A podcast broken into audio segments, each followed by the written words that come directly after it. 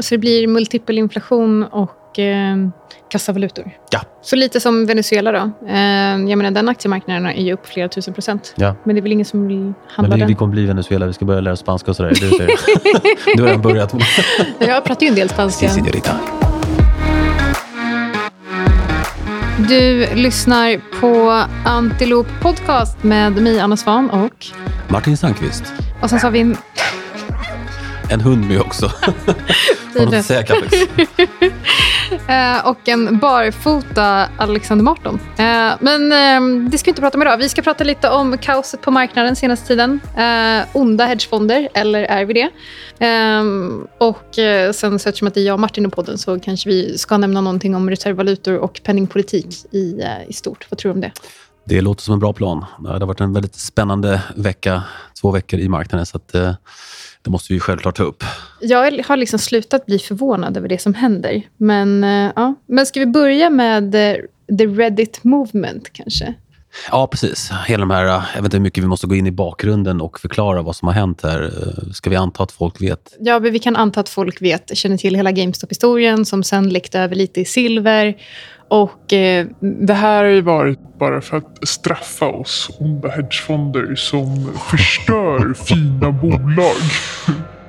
vad tycker vi om det? Ja, nej, men det var ju då en, en short squeeze i, i bolag som, var, som var väldigt, eh, hade väldigt mycket short... Eh, många hedgefonder som var korta helt enkelt. Så att, eh, och jag läste lite på lite om den där killen som de har avslöjat nu som the mastermind bakom det här och som, som heter Deep Fucking Value.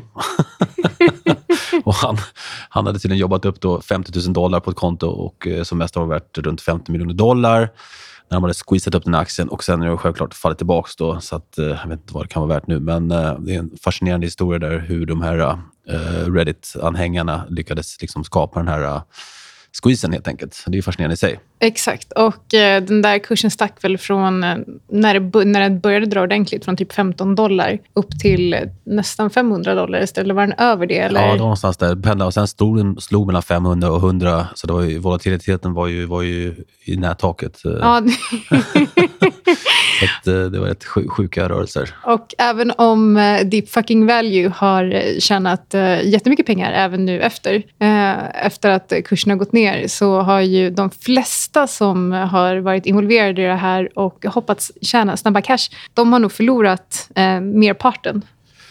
Ja, precis. Nej, men sånt här funkar ju sällan, eller funkar ju aldrig i princip eh, att göra. Och, eh, men det är fascinerande med det här tycker jag, det är att man att, att det har varit någon sorts liksom, eh, movement då emot hedgefonder eller emot finansvärlden av den här liksom Reddit-crowdet. Att man nästan varit en revolutionskänsla. Och det påminner lite om Occupy Wall Street-tiden faktiskt. Jag vet inte om folk kommer ihåg det, men när, man, när de här satt sig och ockuperade Wall Street för att eh, protestera mot eh, mot banker och sådär.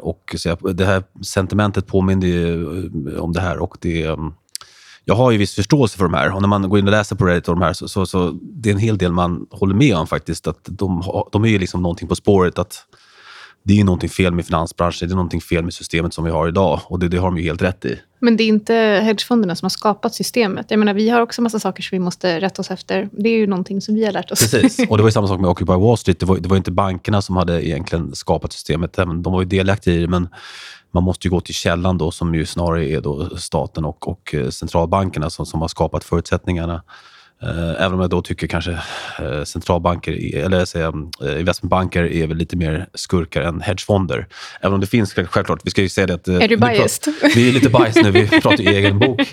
Men, och det finns självklart hedgefonder som, som beter sig inte speciellt bra och gör massa fula saker. Men jag skulle säga att stora majoriteten gör inte det. Så att, Men, men jag tänker att en viktig sak att poängtera här är att det är ingen hedgefond som shortar ett bolag för att sabotera bolaget. Utan man shortar ett bolag för att man helt enkelt tycker att det är övervärderat. Det finns tre prisnivåer. Det är övervärderat, det är undervärderat eller så är marknaden effektiv i just det fallet. Och eh, den mittersta grenen, den, det här med att eh, marknaden skulle vara effektiv, det händer i princip inte. Så att egentligen, antingen är en aktie dyr eller så är den billig. Och eh, då kan man handla därefter. Men, men det är ju aldrig så att man, att, att en hedgefond tittar på ett företags ledning och bara nu ska, nu ska vi jävlas med de här och se till så att företaget går under. Det är liksom inte så det Nej, fungerar. det, där ond, det finns inte någon ondhet tror jag. Utan liksom det, det är, man ju snarare se det som att hedgefonder bidrar till att försöka hitta rätt pris på, på, på vad nu är en, en, en aktie då i det här fallet och eh, bidra till att, att eh, förbättra marknads, marknadens eh, underliggande funktion som gör att, att sätta ett bra pris på saker och ting. Så att. Eh. En annan sak som jag tänker också är viktig att poängtera är att när man nu som den här Reddit Movement skulle attackera hedgefonder så tänker de nog inte på att de själva blir förlorarna. Och Då menar jag inte i att de förlorar pengar för att de kanske köpte nära toppen. Utan det jag menar är att en short squeeze mot en stor hedgefond som pensionsfonder troligtvis har investerat i leder ju till att även om kanske ledningen i hedgefonden och förvaltarna kanske inte får någon superbonus det året så är det ju fortfarande andelsägarna i fonden som förlorar pengar. Och är det, och är det liksom pensionsfonder, då är det pensionärer och folk som ska gå i pension. Då är det de som blir de drabbade. Så det är, det är verkligen en... Jag vet inte, man gör sig, man gör sig själv en björntjänst.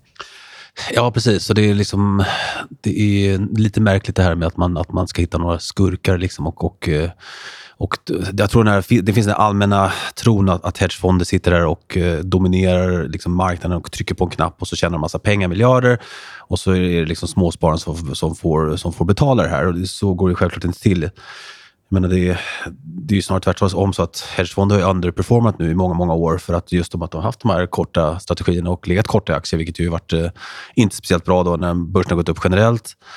Och eh, men det var det här med att, som till exempel när eh, Greenlight Capital, eh, David Ironhorn, var inne och kortade Tesla och så började ju liksom Elon Musk skicka shorts till honom för att liksom håna honom att han är så fel ute som, som short. Så det, det, att, att gå korta aktier är en väldigt plågsam eh, sysselsättning. Eh, så att, men eh, eh ja, jag, jag, menar, jag har ju varit i den här branschen rätt länge nu. Jag har haft ett uppehåll ett par år nu, så, så jag vet ju hur svårt det är att, att hålla på med det här. Och det, det är verkligen inte liksom eh, någon eh, enkel eh, lek.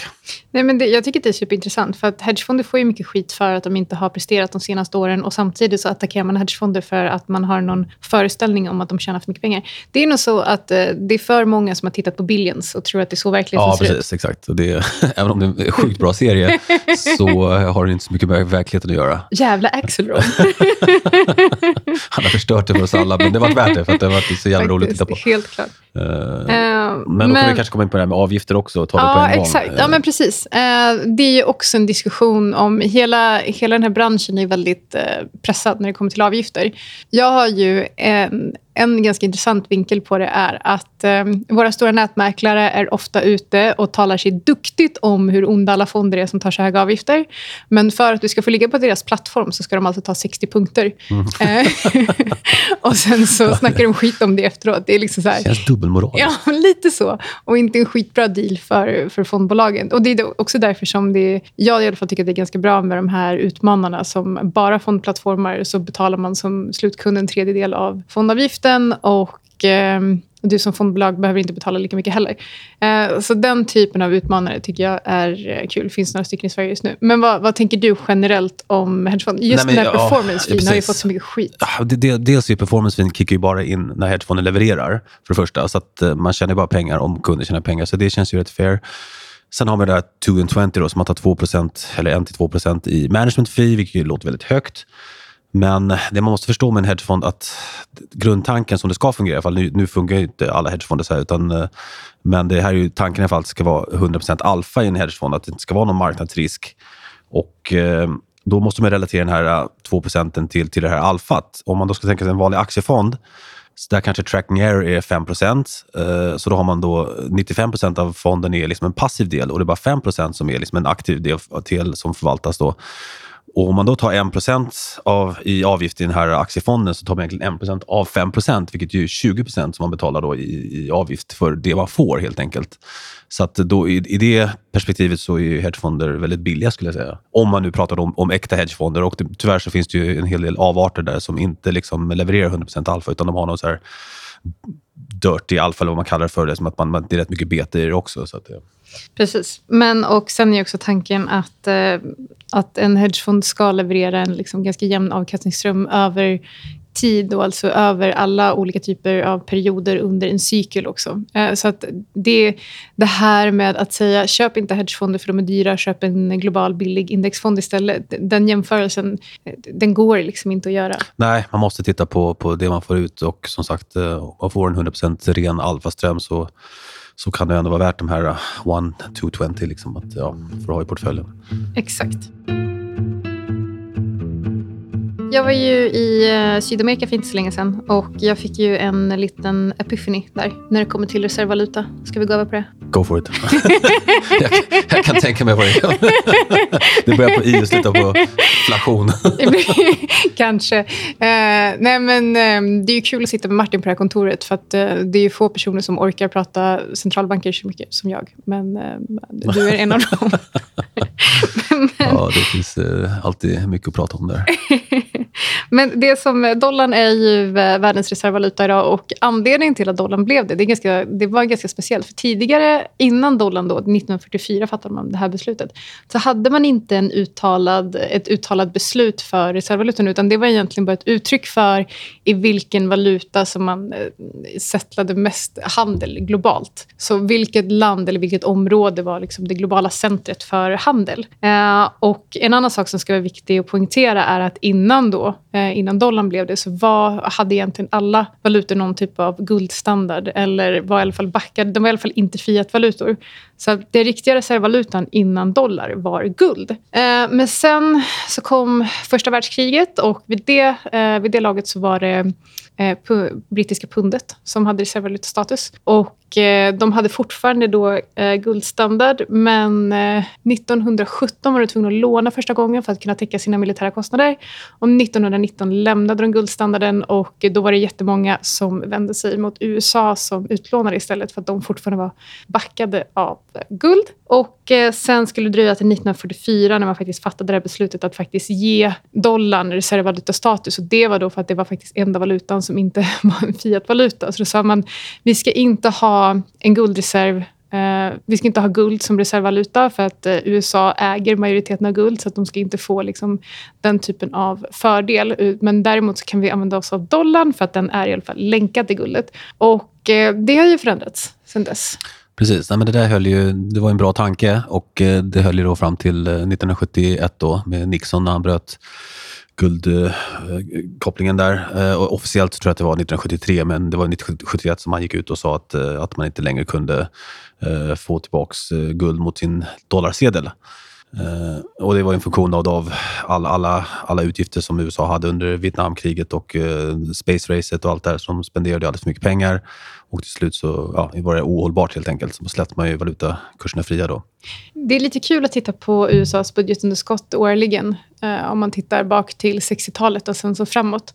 För när de väl, det är lite som en lyxfälla, ett Lyxfällan-avsnitt. När de väl började eh, trycka pengar för att finansiera sitt budgetunderskott så blev eh, den summan bara större och större och större och större. Och nu är den uppe liksom på extrema, eh, extrema mängder. Och det kommer liksom inte minskas. Vi går åt ett MMT-håll. Det, det går inte att förneka det. Man kan tycka vad man vill om det, men det går inte att förneka det. Och om man tittar egentligen på hur valutareserver ser ut globalt fördelat mellan olika valutor så eh, idag har centralbanker i världen eh, globalt typ 60% i dollar. Och Det låter ju jättemycket, men bara 1999 så låg den, samma siffra på 72 procent. Eh, så det, det har minskat ganska stadigt, förutom under eurokrisen 2015 som vi hade liksom en kortsiktig spike uppåt, men sen så fallit ner. Så 60 procent. Samtidigt som vi har massa andra valutor som, eh, som faktiskt ökar. Till exempel eh, japanska yenen, vi har Kinas yuan. Eh, så det, det, verkar som att centralbanker i världen faktiskt går åt att diversifiera sitt innehav i sina valutareserver snarare än att eh, bara ligga i dollar.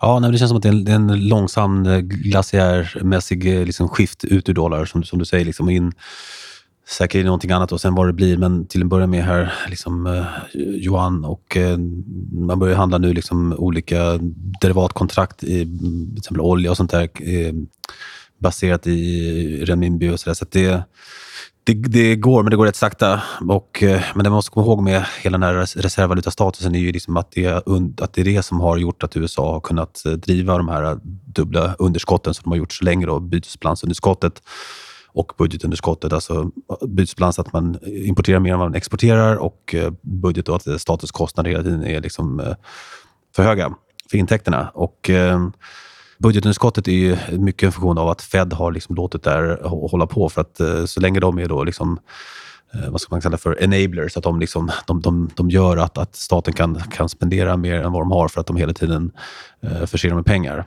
Eh, och gör det möjligt för dem att, att, ehm, att eh, sälja sina obligationer och få in pengar. Så, så, är, så är det Fed som är egentligen då en privat institution som, men som, som är självklart en del av, av staten ändå. Men det, det grundades ju som en privat entitet. Och det, det är faktiskt lite, lustigt att eh, om, man, om man får ett brev från Fed så, så är det faktiskt en, en, ett frimärke på det. Det, vilket det, det, normalt sett inte från en statlig liksom, myndighet så har, har man inget frimärke i och med att de äger posten. Så att, men just när man får ett brev från Fed så har faktiskt, måste de köpa ett frimärke. Så det är en privat. Får, får du många brev från Fed? Varje dag. Varje dag. Nej, men för min, min stora insikt här var för att jag har funderat tidigare på att jag har tänkt att men USA kommer förlora reservvalutastatusen för att de trycker så mycket pengar. Men sen så har det varit svårt för mig att eh, att fundera på eller komma, komma på vilken valuta det skulle vara som tar över den rollen. För let's face it, allt är Fiat. Och eh, vad är egentligen bättre eller sämre? Men, eh, men någonting som händer, som jag har pratat om tidigare, är att... Eh, det blir Kina... inte krypto, va? Det blir inte krypto. Nej jag vet vad du kommer säga nu.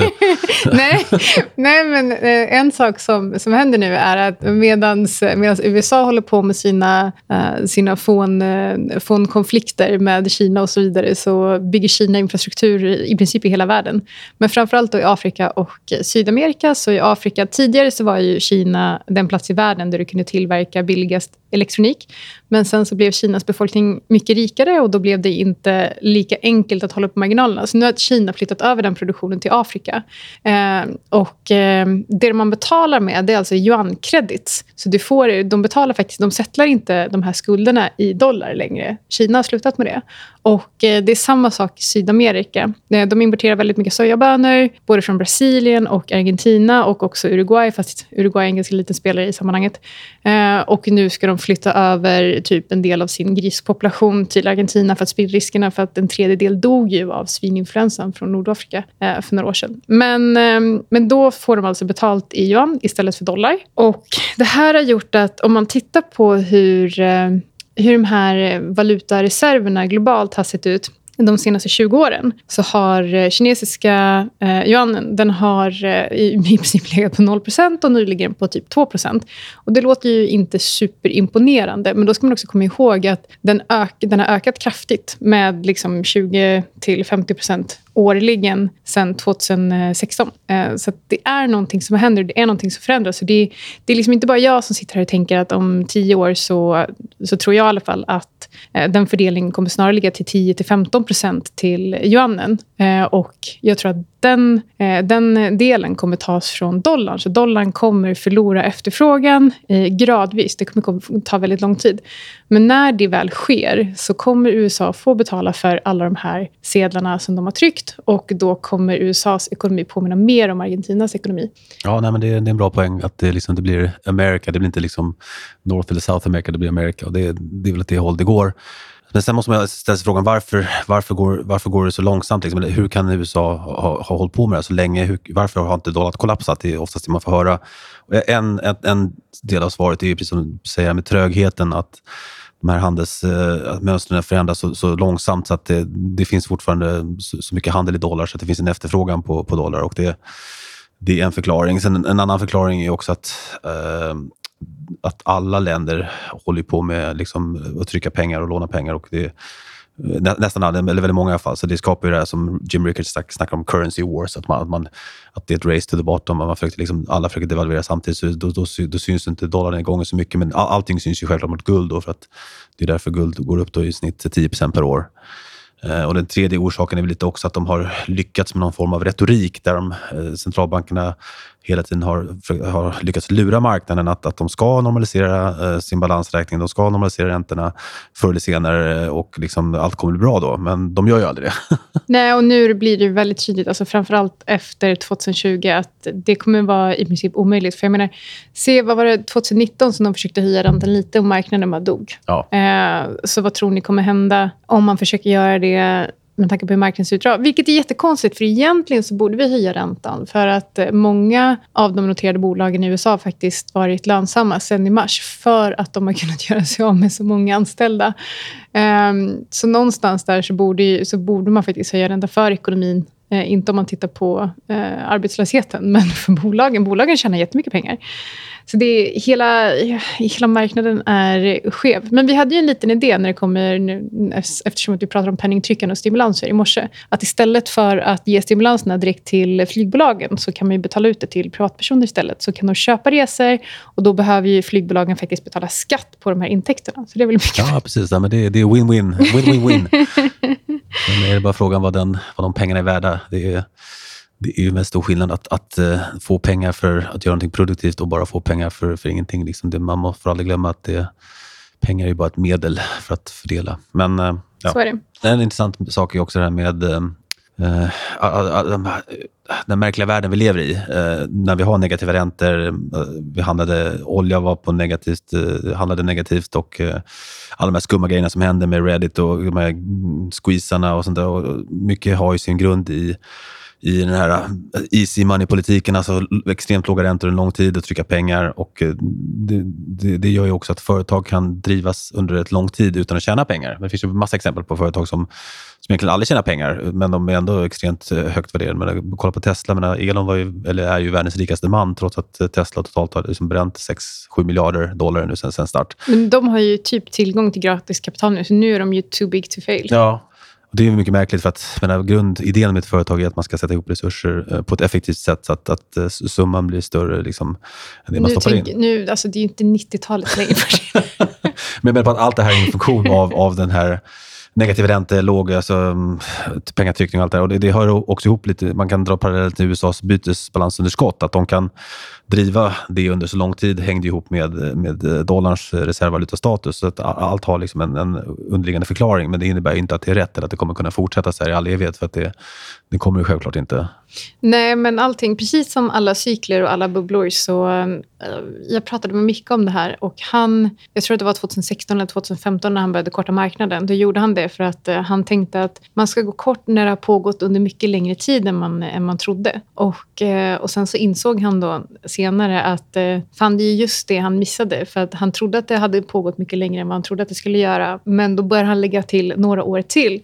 och det har vi sett nu. Men, ehm, ja, precis. Men då, då kan man knyta tillbaka det vi började med, med det här med hedgefonder och liksom, eh, vikten av att ha spelare som, som eh, in och eh, försöker handlar så att försöka identifiera rätt pris på saker och ting.